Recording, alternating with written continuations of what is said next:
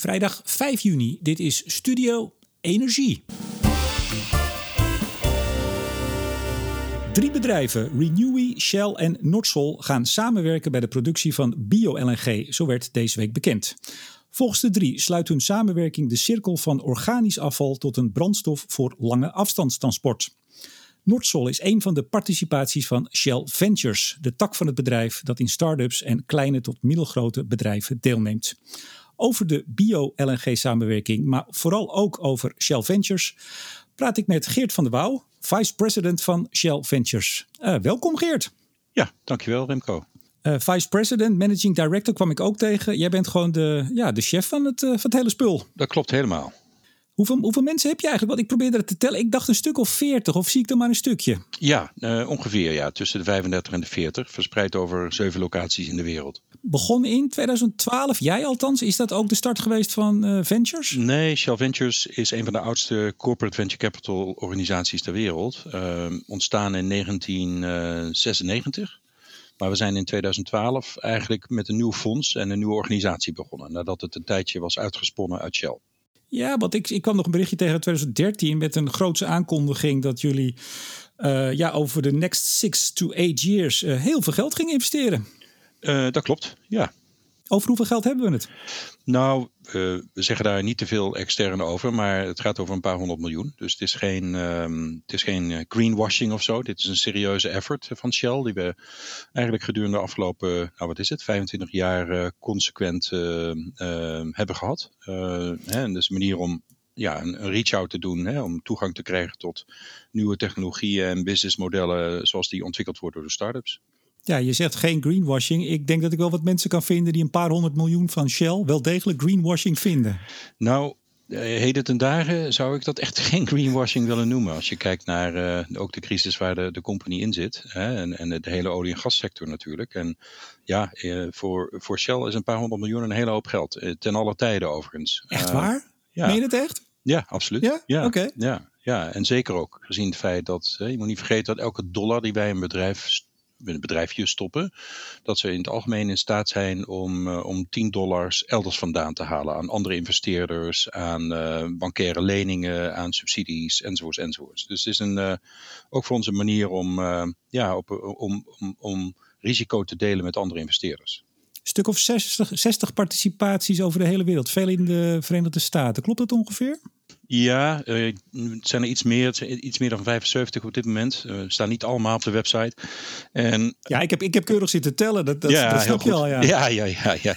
ja, ja en er, staan, er staan een paar niet op de website. Maar inderdaad, het merendeel zit in de Verenigde Staten. Ik denk zo'n nou, 55, 60 procent. En de rest in Europa. En naar de toekomst toe gaan we denk ik meer ook in China doen. Omdat dat qua start-up land een enorm, uh, ja, enorm opkomst is, om, om begrijpelijke redenen. We gaan zo wat dieper op de, ja, op de participaties in en wat er allemaal speelt. Natuurlijk gaan we het zo eerst hebben over de, de bio-LNG. Maar nog één vraagje vooraf. Hoe komt een keurige ingenieur uit Wageningen, uh, hoe schopt hij je tot chef participatie bij Shell? Ja, dat is een goede vraag. Um, nou, Wageningen is natuurlijk een uitstekende opleiding. Laat ja, ik beginnen met het, met, het, met het pluggen van Wageningen hier. maar maar uh, ja, ik ben wel altijd toch, toch een treehugger in hart en nieren geweest. En uh, ja, ik vind zelf dat ik een van de leukste banen binnen Shell heb. Hè. Shell heeft zichzelf zeer ambitieuze doelen gesteld ten opzichte van uh, net zero emissions. Hè. We willen een net zero emissions bedrijf worden in 2050. En nou, dat is een enorme uitdaging, want als je kijkt naar onze huidige businessplannen, ja, dan, uh, dan, dan uh, die, die, krijgen ons nog niet waar we zouden willen zijn, zeg maar. Um, en, en er moet een enorme reductie uh, plaatsvinden ten aanzien van ja, CO2 en greenhouse gas emissions. Terwijl de wereldpopulatie en de energieconsumptie juist met een derde gaat toenemen tot 2050. Volgens mij was dit niet de vraag, maar... Nou, dus, dus daardoor ben ik... dus ik vind het leuk aan deze baan is dat je midden in de, de energietransitie zit en, en, en echt mee kunt helpen bouwen aan het aan het omzetten van, van Shell van, ja, van fossiel bedrijf naar een, uh, naar een net zero emissions bedrijf. En als Wageningen spreekt mij dat natuurlijk heel erg aan. Ja, en ik zag dat je vorig jaar nog een ja, diploma hebt gehad of een certificaat aan de University of Chicago. The Science and Modeling of Climate Change. Dat klopt. Ja, ja, ja. Moet je daar dan heen van, uh, van Ben of ga je dan vrijwillig? Nee, dit heb ik vrijwillig gedaan. Sterker nog, Ben heeft, uh, uh, die vraagt me dit soort dingen niet. Maar nee, ik wil gewoon natuurlijk wel goed weten waar ik het over heb. Op het moment dat ik naar start-ups kijk die actief zijn in het, ja, in het hele carbon abatement uh, domein. En ik wil begrijpen uh, hoe het ook ja, fundamenteel zit op het gebied van klimaat. En uh, daar heb ik me dus behoorlijk in verdiept de afgelopen jaren. Nou, bio-LNG, dat zal dan vast iets zijn waar je alles van weet. Renewy, het voormalige, hoe heet het ook alweer, Van Gansenwinkel. Klopt, ja. Nordsol, een van jullie ventures, een van jullie participaties. Maar ook Shell zelf, hè, begrijp ik. Jullie met z'n drietjes gaan samenwerken. Wat gaat er precies gebeuren?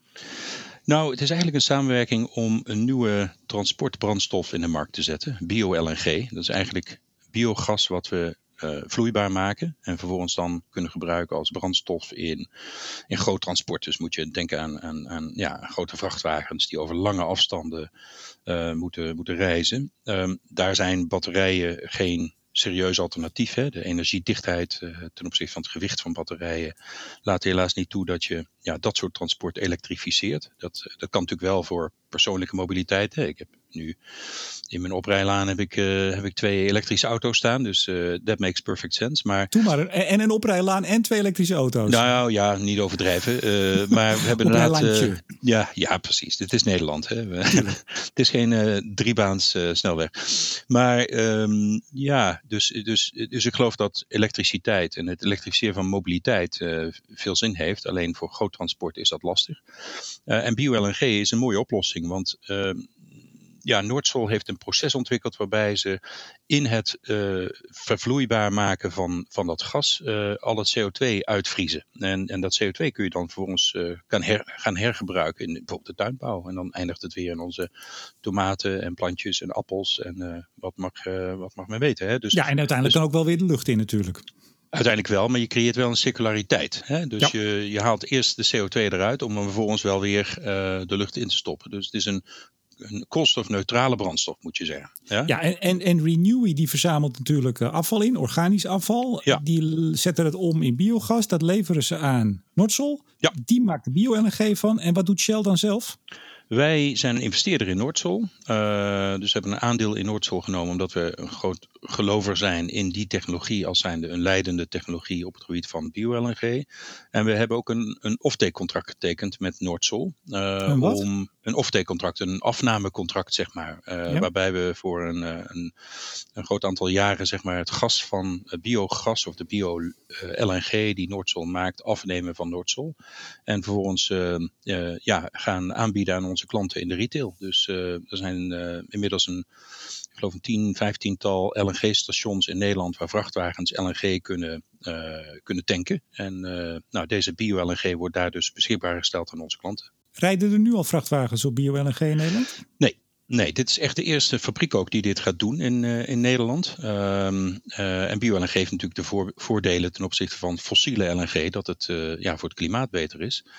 Um, dus nee, dit is de, echt de, de, eerste de eerste pilotproject wat, wat uitgevoerd gaat worden. En ja. als ik nou zo'n uh, als ik nou een vrachtauto heb die op LNG rijdt, kan ik dan gewoon bio-LNG tanken of moet ik dan nog iets uh, bijzonders doen aan mijn auto? Nee, het is precies hetzelfde molecuul. Dus je hoeft verder niets te veranderen. Je voelt je misschien iets beter als je achter het stuur van je vrachtwagen zit, Remco. Maar ja, ja, dit is exact hetzelfde product. Over hoeveel aantallen, of over, over de getallen hebben we het? Hoeveel gas? Uh, want er staat ook in het persbericht een betaalbare prijs. Laten we even beginnen met uh, hoeveelheden. Hoeveel kuub? Of gaat het in liters? Sorry, nee, ik heb, het over, ik heb het over gas natuurlijk. Nee, we hebben het over liters, denk ik. We hebben het, uh, ja, je kunt het over, over kubus en, en, en, liters en alles uitdrukken natuurlijk. We hebben het over relatief kleine fabriek. Hè? Dus het mooie van deze technologie is, is dat ehm, ja, het op hele kleine schalen commercieel uitgerold kan worden. Hè, dus uh, uh, in totaal uh, produceert deze eerste fabriek 10 ton per dag. dus dat is, dat is vrij klein. Hè? Dat is net genoeg om, om zeg maar één zo'n vergistingsbak die bij Renewy staat af te kunnen nemen. Maar ze kunnen de technologie opschalen naar 150 tot 200 ton per dag. En dan halen ze naast die 10 ton per dag aan bio-LNG, produceren ze 18 ton per dag aan CO2. En dat CO2 wordt dus vloeibaar gemaakt en afgevoerd naar de, de kastuinbouw. Ja, maar ik neem aan dat, dat dit zijn allemaal vingeroefeningen voor het grote werk waar jullie natuurlijk, denk ik dan als Shell, uiteindelijk naar kijken. Klopt, ja. ja. Kijk, we investeren natuurlijk niet in, in uh, Noordzol om één zo'n fabriek te bouwen. Hè. Dit, is, dit moet er één van vele worden. Uh, er is heel veel biogas beschikbaar in, uh, in Europa en, en ook in Nederland. Um, dat ah, valt valt nog wel tegen hoor. Ja, nou ja, goed. Wat mij betreft kan het meer. Gaat er wellicht komen, is misschien ja, beter. Ja, nou, maar er is wel voldoende biogas aanwezig wat, wat geliquificeerd zou kunnen worden. Uh, en wat je dus zou kunnen omzetten in deze duurbare, duurzame brandstof. En uh, de truc is natuurlijk dat je het op een kleine schaal moet kunnen doen. Want die, die, ja, die vergistingsinstallaties die zijn over het algemeen relatief klein. Hè. Uh, het is uiteindelijk een supply chain probleem wat Renewy aan het oplossen is. Ze halen dus een hoop afval van zeg maar, de Albert Heijn en de, de Sligero en de, de Jumbo, hè, voedselafval, naar één locatie toe. Daar wordt het uh, ja, eigenlijk onder, onder anaerobe omstandigheden vergist. En er komt biogas uit en CO2. Nou, normaal gesproken, als je dat biogas vervolgens weer uh, verbrandt tot elektriciteit, dan komt daarbij een hele hoop CO2 vrij. Uh, in biogas zelf zit al van nature 30 tot 40 procent CO2. Met dit proces uh, vang je die CO2 dus helemaal af. Ja. Dat is mooi. Betaalbare prijs. Waar hebben we het dan over?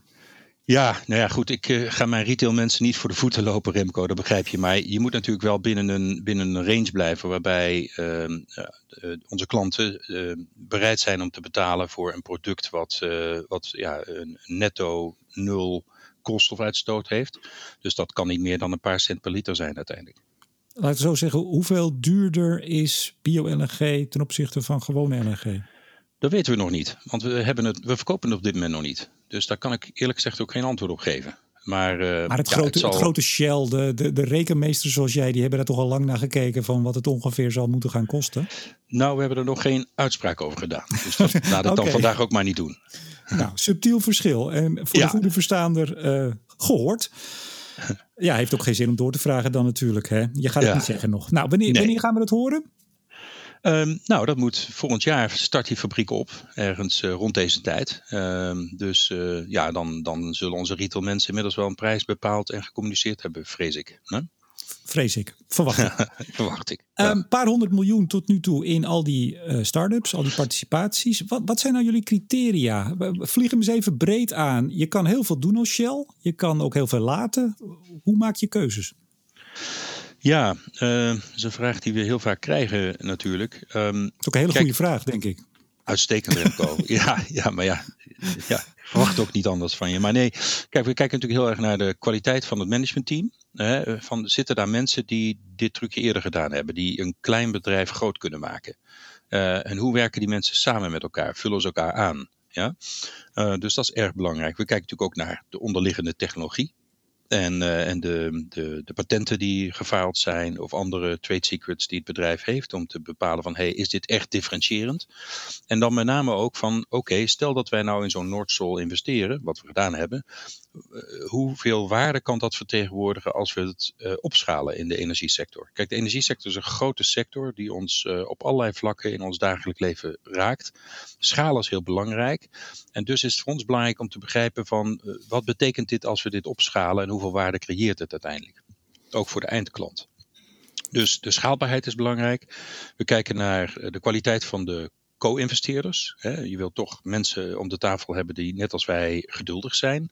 En uh, die begrijpen dat een energie-startup uh, niet, niet werkt als een social media startup of als een Twitter, hè, waarbij je instapt en drie jaar later uh, ja, lachen naar de bank rijdt. nee, het is, een, het is een lange termijn investering. Over het algemeen zijn de, de hold periods van dit, dit soort investeringen zes tot acht jaar. Je moet echt veel geduld hebben. Maar uiteindelijk is ja, het rendement kan heel hoog zijn. Uh, als je inderdaad die schaal kunt bereiken die ik, uh, die ik noemde. Dus dat zijn een beetje de, de belangrijkste criteria voor ons. Uh, ja, en, en, en stappen jullie nou in voor het grote doel om Shell vooruit te helpen of de aarde? Um, nou ja, uh, die, die twee doelen zijn eigenlijk gelijk geschakeld. Dus waarschijnlijk niet het antwoord wat je verwacht, Remco. Maar, uh, ik kijk, had geen verwachting bij deze vraag hoor. Oké, oh, oké. Okay, okay. Nou, maar we investeren natuurlijk uiteindelijk omdat we um, um, uh, bij willen dragen aan, aan een beter klimaat. Ehm, en, en, en dat is aligned met, met Shell's doelen natuurlijk. We investeren ook omdat we de, die technologie uiteindelijk willen toepassen binnen Shell. Ja? Dus uh, vaak gaat een investering die we hebben, en meestal zijn we niet meer dan 10 tot 30 procent van, uh, van, van de aandelen, ehm, die helpen we dan ook om, om bedrijven helpen we dan ook om aan de bak te komen binnen Shell. Dus we hebben in mijn team een club van implementation managers zitten. En die doen niets anders de hele dag dan mensen binnen Shell in contact brengen met die startups. Om te kijken of er samenwerking mogelijk is. En dat leidt uh, meestal tot, uh, tot, tot inderdaad contracten die die start-up afsluit met Shell. Zijn we wel trots op, want dat is echt heel moeilijk. Uh, maar het is ook heel belangrijk, omdat je alleen op die manier de schaal kunt bereiken die nodig is om ja, daadwerkelijk een bijdrage te kunnen leveren aan Shell en aan het klimaat. Ja, ik stelde je die vraag net van, is het nou vooral voor Shell of voor de aarde? Omdat uh, nou, je weet, denk ik wel, dat er wel af en toe eens wat kritiek op Shell is. Hè? Ja, ja, ja, Die, die is er wel eens. ja. en, dan, en dan gaat het vooral van, ja, investeren ze nou wel genoeg in bijvoorbeeld New Energies? Nou, dat is ook een tak van jullie, hè? die, die mm-hmm. vooral en expliciet, al is het al in de naam, in nieuwe energie investeert. Met jullie ventures investeren jullie toch ook wel in zaken die bijvoorbeeld de winning van olie en gas uh, verbetert. Of mm-hmm. versnelt of efficiënter maakt, toch? Mm-hmm. Ja, dat klopt. En dan kijken we met name naar dingen die of de kosten naar beneden kunnen brengen van die winning, of uh, bijvoorbeeld die de uitstoot kunnen verkleinen ja, uh, van, van de winning van, van olie en gas. Uh, dat zijn voor belangrijke criteria voor ons. Ja, nou, nou kwam, ik heb natuurlijk even zitten kijken door die, uh, althans die ruim 60 participaties die ik kon vinden op de website. Er zaten er ook een paar bij. Het is natuurlijk altijd leuk om er even wat uit te halen. Waarvan ik dacht, hey, who can fix my car? The quick, simple way to compare the prices and reputation of garages and mechanics near you. Toen dacht ik, wat moet Shell daar in hemelsnaam in? Ja, ja, dat is een goede vraag. Ja, wij, uh, maar dat, dat weet, je ook, dat weet je ja. ook niet. Waarom nee. deden we dat ook alweer? Oh, ja. Ja, ja, verrek ja. Nee, um, nou, het is eigenlijk heel logisch. Kijk, Who Can Fix My Car? En we zijn ook geïnvesteerd in, in OpenBay. Dat is een soortgelijk bedrijf in de Verenigde Staten. Dat zijn zeg maar elektronische marktplaatsen of internetmarktplaatsen waar mensen die een een vraag hebben ten aanzien van hun auto, hè, een, een, een, een repairjob hebben, hè, dus een, een, kras of een scheur of uh, nieuwe winterbanden, uh, nou ja, die, die dus een klus moeten laten doen aan een auto, uh, in contact worden gebracht met een, een aantal aanbieders van dat soort diensten. Mechaniciens en, en autoshops, van de QuickFit tot, tot veel andere. Uh, en waarbij ze dan ook een prijsvergelijking zien uh, en, een, en een kwaliteitsvergelijking. Dus het is eigenlijk een soort uh, Uber voor, ja, voor auto-repair. Ik, ik denk dat iedereen daar wel een beeld bij heeft, maar de vraag is: wat, wat moet Shell daarin investeren? Waarom doen jullie nou, dat? Nou ja, kijk, wij, zijn, wij verkopen natuurlijk heel veel lubricants, hè, smeerstoffen, smeermiddelen en, en, en ook ja, allerlei andere zaken die met een auto te maken hebben, van, uh, nou ja, van, van smeermiddelen tot zeg maar uh, ruitenwissers uh, en, en koelvloeistof. En in toenemende mate zijn dit, dit soort platformen um, voor ons interessante distributiekanalen. Voor dat soort producten. En je ziet dat ja, steeds meer klanten dus vrij direct via dit soort platformen contact zoeken met, met een repair shop. En, en door daar als investeerder en ook als klant uh, bij betrokken te zijn, kunnen we dus ja, onze producten uh, middels dit soort kanalen uh, beter verkopen. Nou, wat ik al zei, het is altijd misschien ook zelfs een beetje flauw om er een beetje eentje uit te halen die een beetje gek klinkt. Althans, voor mij klonk hij een be beetje gek. Ja. Maar er staan er heel veel op. En ik zou de luisteraars bijna willen aanraden. Ga even naar de website van Shell Ventures. Want daar staan ze, nou ja, dus bijna allemaal. In ieder geval heel veel. Well Dog viel me nog op. dat is wel ja. echt iets om olie en gas mee ja, hoe zeg je dat? Ja, slimmer. Ja. Omhoog Slimmer te halen? Te, omhoog te halen, met name gas. Ja, ja ondernemers zijn uh, soms erg creatief als het gaat om hun bedrijfsnaam. Ja, ja en, en, een leuk logootje ook. Hè? Ik geloof een hond die in de put kijkt, dus wel grappig. Ook heel veel energie, want jullie zitten in een paar uh, uh, terreinen. Hè? Power, resources, fuels and mobility en multi-industry solutions. Hè? Heb ik ze dan? Mm -hmm. Klopt, ja. Zon, veel in zon. Solar Now zag ik, maar ook Zonnen. Ik denk dat toch wel een aantal mensen Zonnen wel kennen. Die zag ik nog bij jullie staan als participatie, maar inmiddels is dat 100% Shell, toch? Dat klopt. We hebben dus als Shell die Ventures moet daar... Die moet af die van moet de site, weg. Nou, dankjewel Remco. Ja. en hierbij een boodschap aan uh, de mensen die mijn, uh, mijn uh, site beheren om dat eraf te halen. Maar ja, dat klopt. Er was een investering door Shell Ventures een paar jaar geleden. Um, en, en zo zie je ook mee weer hoe dat ook positief kan, kan werken voor Shell uiteindelijk. Ja, zeg even wat het is, want ik, misschien dat sommige mensen het toch niet kennen. Ja, Sonne is een, een oorspronkelijk Duits bedrijfje en die, die leveren eigenlijk batterijen voor thuisgebruik om ehm, eigenlijk zonne-energie of andere vormen van energie die je thuis opwekt op te kunnen slaan in je batterij en dan eigenlijk relatief onafhankelijk te worden van het grid. Hè? En dus uh, voor een groot deel niet alleen je eigen energievoorziening te kunnen uh, voldoen, maar ook uh, elektriciteit terug te kunnen leveren aan het grid. Ja, je zegt ook inderdaad begonnen als bedrijfje, maar inmiddels 700 man, hè? Grote club. Negen plekken ja, ja. in de wereld. Ja, ja, nee, dat, uh, dat gaat goed. En, en dat, dat komt is een hele jullie. mooie propositie. Nou, dat zou ik niet willen zeggen, maar we zijn wel een minderheidsaandeelhouder geweest uh, een tijdje. Samen met een aantal uh, venture capitalists, waarvan één in Nederland hier, Set Ventures in Amsterdam. En die hebben samen met ons geholpen om dit bedrijf nou, groter te maken. Tot een punt dat Shell op een gegeven moment dacht van... hé, hey, wat die jongens doen, dat is interessant. En daar willen we eigenlijk wel meer van. En toen hebben ze dus een bod gedaan om, om die club te kopen. En dat is door de aandeelhouders, waaronder ik, uiteindelijk geaccepteerd. dus dat is een interessante dynamiek, waarbij Shell eigenlijk een start-up uit de Shell Ventures portfolio koopt.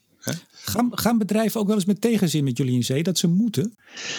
Nou, nee, dat is wel soms met, met bedrijven. In eerste instantie uh, dat komt natuurlijk ook een beetje door de reputatie die je in bepaalde landen hebt als Shell. Een, een, een, een kleine, nou ja, mag ik zeggen, uh, scepticisme of, of weerzin. Maar op het moment dat we dan aan tafel zitten en uitleggen wat we doen, dan slaat dat al heel snel om in enthousiasme. Dus ik, ik zie daar ja, weinig, uh, uh, weinig problemen mee. Uh, nee, de meeste werken uiteindelijk graag met ons samen. Ook met name om het feit dat wij bijna al die start-ups waarin we investeren uiteindelijk aan het werk krijgen binnen Shell ook. En dat is natuurlijk voor hun een fantastische referentie die ze natuurlijk kunnen gebruiken op het moment dat ze weer opnieuw geld moeten gaan ophalen of met andere klanten in zee willen.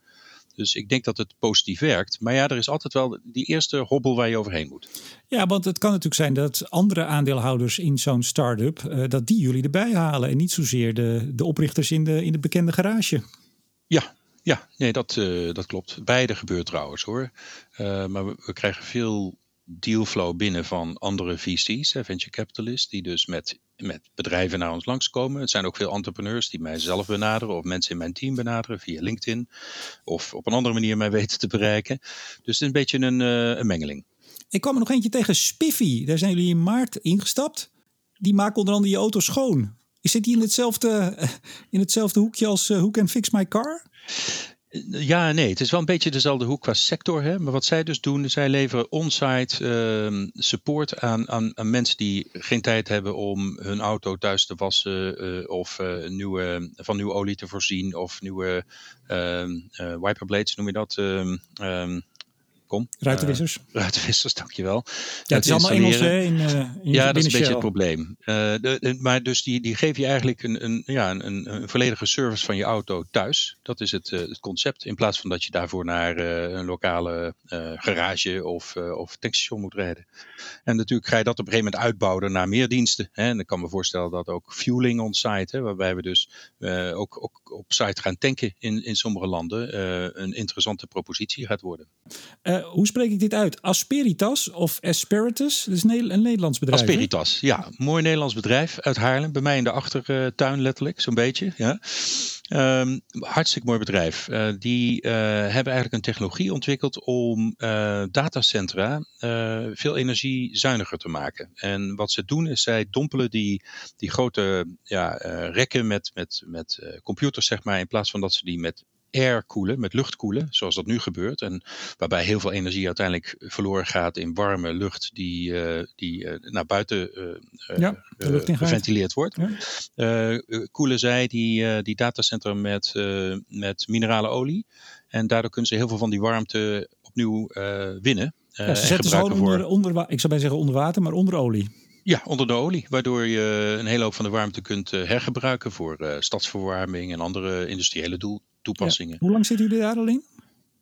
um, nou, heel precies weet ik niet, maar dat is ergens tussen een jaar en, uh, en uh, anderhalf jaar. En uh, ja, het is een, een superleuk bedrijf. Het is echt mooi om te zien dat Nederland dit soort bedrijfjes ook binnen zijn grenzen heeft. Hè, die echt wereldleider zijn op dit gebied. Ja. En er gaat heel veel energie verloren in datacentra. Ik bedoel, datacentra consumeren nu al meer energie dan, dan de hele luchtvaartsector tezamen. Toch geen dus, corona, hè? Nee, nee, Oh, nee, nee, gaat nou goed. ja. Gaat goed. Dacht ik, check Ja. het even. Ja, dus het is een enorme slurper van energie. Hè? Daar staan we niet bij stil op het moment dat we een pakketje bestellen op het internet of een search doen op Google. Maar eh, ja, middels deze technologie kun je dus eh, tussen de 20 en de 35 procent van die energie weer, eh, weer terugwinnen. Ja, en voor de luisteraar die denkt, zitten ze dan bij elkaar? Nee, wij gebruiken nu ook dataverkeer, zal ik maar zeggen. Zo is dat. Ja, ja. Ehm, Shell ehm, nam in 2012 een belang in eh Glasspoint.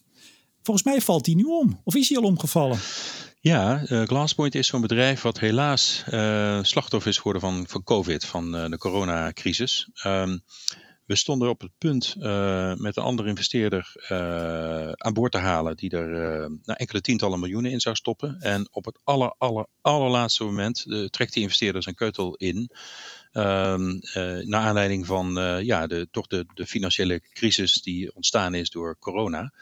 En ja, dan ben je te laat om nog een nieuwe te vinden. Hè? En wij hadden al eh, als Shell behoorlijk wat geld eh, erin gestoken. En eh, ja, wilden toch ook wel een, een nieuwe investeerder aan boord hebben om, om verder door te gaan pakken. Dus dat zag er heel goed uit, tot het aller, allerlaatste moment. En dan ja, moet je helaas toegeven dat ook dit soort, wat mij betreft, veelbelovende start-ups af en toe eh, ja, de, het slachtoffer zijn van eh, niet voorziene eh, situaties als COVID. Ja, en, en dan is het niet zo dat jullie nog even zelf de portemonnee trekken. Nou, dat hadden we al gedaan. Ehm, Nee, ik en bedoel op- nog even extra. Ja, nog een keer extra. Ja, op een gegeven moment komt er een punt waar je zegt van nou is het genoeg. Hè? Dan moet je je verlies nemen. En eh, ja, daar is helaas natuurlijk eh, Glasspoint een slachtoffer van geworden. Mooie technologie. Even voor de luisteraar. Maar zij, ze hadden technologie om zonne-energie eh, via parabole spiegels om te zetten in, in stoom. Eh, stoom die heel veel gebruikt wordt hè, eh, in, eh, in de industrie voor het opwarmen van allerlei industriële processen. En bij ons wordt het gebruikt in de, de winning van olie en gas. De werelds grootste solarfabriek met geconcentreerde spiegels gebouwd in Oman samen met hun. En dat opereert nog steeds en dat opereert goed. En de Omani-autoriteiten zijn er heel blij mee. Maar ja, het is een beetje een lumpy business. Waarbij dit soort projecten die komen eens in de twee jaar voorbij. En eh, ondertussen moet je zo'n bedrijf in de lucht houden. En, en dat doe je dan met verschillende investeerders. En helaas trok de, de meest veelbelovende investeerder zich op het laatste moment terug. Wat, hoe gaat het eigenlijk? Jullie investeren, nou dan maak je je sommetjes voor. Wat, wat verwachten we, dat zei je net ook. Wat verwachten wat dit kan worden op termijn. Dus dat is best wel een, een grove schatting, neem ik aan. Mhm. Heb je dan ook rendementseisen gewoon op iedere euro die je jaarlijks investeert? Uiteraard, ja, dat is heel belangrijk. Ehm, en dat is niet alleen belangrijk omdat anders op een gegeven moment Ben van Beurden zegt van joh, eh, waar ben jij mee bezig? Hè? Er moet natuurlijk wel geld in het laadje komen. Maar het is ook belangrijk omdat we daarmee een interessante co-investeerder zijn eh, voor de venture capital firms die ook met ons investeren. En dan moet ik even uitleggen. Die VC's die hebben eigenlijk maar één manier om geld te verdienen. En dat is door een exit te, te creëren. Door dat bedrijf uiteindelijk weer te verkopen met winst. En als wij niet kunnen laten zien dat wij in staat zijn om dat ook te doen, dan zijn wij voor hun als corporate co-investment partner gewoon minder interessant. En dus als ik goede kwaliteit dealflow wil houden, dan, dan zal ik ook moeten blijven laten zien aan de markt dat ik in staat ben om, uh, om uh, ja, uh, winstgevende exits te creëren. Op olie- en gaswinning, daar zit een bepaald rendement. Op alle processen en, en activiteiten binnen Shell moet zoveel procent winst gemaakt worden. Ja. Is, is dat hetzelfde percentage voor jullie of is dat dus toch een stuk lager?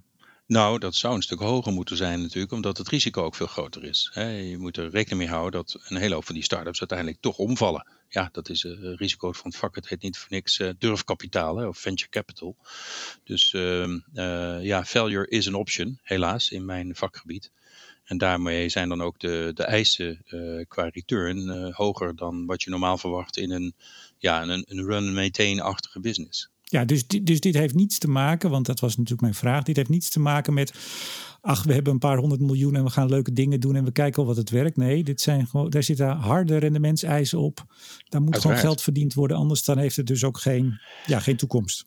Dan heeft het geen toekomst. En, en juist dat is natuurlijk de, de litmus-test uiteindelijk. Hè? Je, je, je, ja, je, capability zeg maar, om extern geld op te halen uh, voor dit soort bedrijven. Uh, we, we, spinnen ook heel vaak bedrijfjes uit, uit Shell. Hè?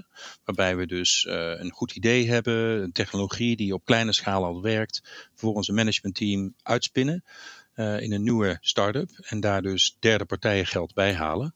En dat laatste doen we ook omdat we ja, dat eigenlijk als een litmoestest gebruiken van hey, ehm, ja, hoe levensvatbaar is dit idee nou eigenlijk? En als anderen dus bereid zijn om daar geld in te steken, dan, uh, ja, dan dat geeft vertrouwen, laat ik het zo zeggen. De, buitenwereld die vindt toch wel eens, wat ik eigenlijk net schets, hè, van laat ze nou gewoon een paar honderd miljoen of misschien wel wat meer investeren en we zien het wel. begrijp je die visie, die dus helemaal niet van rendement uitgaat en van geld verdienen, maar die vindt dat een bedrijf als Shell, maar ook de andere grote olie- en gasbedrijven, dat die vooral nou, wat terug moeten doen en moeten helpen om zaken uh, in de benen te krijgen, ook als ze er niks aan verdienen. Snap je dat? Snap ik heel goed. Ja, ja nee, dat is. Uh, ik begrijp die motieven heel, heel, heel wel terdege. Um, mijn vrouw heeft een start-up uh, in de levensmiddelenindustrie. Um, en die heeft, haar visie is om met haar producten obesitas de wereld uit te helpen. En, uh, maar goed, als je dat dus als visie hebt, dan wil dat zeggen dat je behoorlijk wat impact wil creëren. En om die impact te kunnen creëren, zul je helaas winst moeten maken om geld te kunnen herinvesteren in je bedrijf en het te laten groeien. En dat zien we bij al die start-ups natuurlijk ook. Die gaan ook allemaal door die fase heen van ja, wacht even jongens, er moet wel brood op de plank komen. Wil ik dit bedrijf kunnen laten groeien? En zo is het natuurlijk uiteindelijk niet anders dan bij Shell. Hè? Uh, juist om, om die impact te creëren die we allemaal graag willen creëren, zullen we, ja, zullen we geld moeten genereren om te herinvesteren. New Motion, is dat ooit een participatie geweest? Vroeg ik me nog af. Niet van, uh, van, van, uh, van Shell Ventures. Uh, we hebben wel in de tijd geholpen om die acquisitie te doen. we hebben er even over nagedacht, inderdaad in eerste instantie om een minority aandeelhouder te worden, een minderheidsaandeelhouder te worden. Maar uiteindelijk besloten om, om de club te kopen. Um, ja. Wat, wat, wat, maakt dan dat je zo'n beslissing neemt? Dus inderdaad, of dus niet uh, een venture, niet een minderheidsbelang, maar meteen de hele bubs kopen? Nou, we kwamen er al gaandeweg achter dat uh, die, uh, die connectie tussen de elektrische auto en het huis heel belangrijk gaat worden in de, in de toekomst van de energie. Hè? En daar ga je eigenlijk de connectie creëren tussen de, wat traditioneel zeg maar, de utility doet, hè? Je, nutsbedrijf doet. En aan de andere kant um, je, ja, je autoleverancier doet. Hè? Dus uh, het kunnen switchen uh, in elektriciteit tussen de auto en het huis gaat een hele belangrijke factor worden in, uh, in toekomstige businessmodellen in, in elektriciteit. We net even bij Glasspoint over corona. Uh, daar heeft het duidelijk een negatieve impact. Hoe, hoe, staan jullie andere participaties ervoor in dat licht? Um, ja, eh, de ene beter dan de ander. Um, mixed bag, mag ik wel zeggen. Um, de start-ups die vorig jaar geld hebben opgehaald, die, ja, die hebben voorlopig uh, weinig tot geen last. Die kunnen door. Maar die zien wel dat het aantal contracten natuurlijk afneemt. Hè, dat klanten toch uh, een keutel wat inhouden of uh, dingen wat gaan uitstellen. En dat zie je dan toch met name in bepaalde sectoren. In olie en gas heel duidelijk, hè, omdat ja, de prijs van, van, van olie en gas enorm is afgenomen. Waardoor klanten toch ook de hand op de knip houden. in mobiliteit zien we dingen wel weer terugkomen nu. We zien dat ja, klanten weer mobieler aan het worden zijn in verschillende landen. Zeker in China, waar ik ook een, een club heb zitten. Daar zie je echt dat het, het, verkeer in landen of in steden als Beijing en, en uh, Shanghai weer terug is. En zelfs iets hoger is dan, uh, dan voor de crisis. Ook omdat mensen het openbaar vervoer overigens uh, proberen te, te vermijden. dus een beetje een, ja, een mixed bag. Um, sommige bedrijfjes verkeren in, in, in, ja, in, in donker water en andere die, die die, uh, die kunnen gewoon doorpakken uh, en gaan ook gebruik maken van deze crisis om waarschijnlijk uh, op hun beurt acquisities te doen of bepaalde markten te veroveren. dus nou, het is onze taak om te kijken of we de, de goede bedrijven die nog steeds potentie hebben, ehm, te, blijven, te blijven steunen in deze, in deze tijd. Nou, nou was jij, zag ik, eind 2011 tot april 2012 bij Shell, was je Economic Turmoil Response Lead. Doe maar. Ja. Toen was er nogal wat aan de hand in Europa. Eh, als het ging over de euro, over de banken, de bankencrisis. Ja. Uh, ja. Jij hebt dus wel wat ervaring. Ja, dat komt wel ten goede. Ja. Ja, als ik terugkijk op mijn 30 jaar in de energiesector, dan, um, dan, um, dan heeft het heel veel zin gehad dat ik aan de verschillende kanten van de tafel heb gezeten. in onderhandelingen of in, in een verkoopproces. Ik ben zowel aan de inkoopkant van Shell gezeten als aan de verkoopkant gezeten. Dus ik weet wat verkopers doen en wat inkopers doen. En, en dat is nu wel een voordeel. Nou, ik, zag, ik zag zelfs dat jij de Psychology of Sales hebt gedaan aan een of andere business school. Ja, dat klopt. Ja, ja. dus jij bent echt bedreven als het goed is. Ja, nou ja, dat mag ik hopen. Het is uh, inmiddels wat roestig geworden natuurlijk in mijn huidige baan. Maar uh, nou, die eurocrisis was leuk. Uh, interessant in elk geval was niet leuk. Maar dat is interessant vanuit de optiek van onze supply chain. Dus mijn taak was om met een klein groepje mensen te kijken van... hé, hey, in die eurocrisis, nou daar komt natuurlijk een hoop suppliers en contractors die goederen en diensten leveren aan Shell uit landen die toen zwaar onder druk stonden.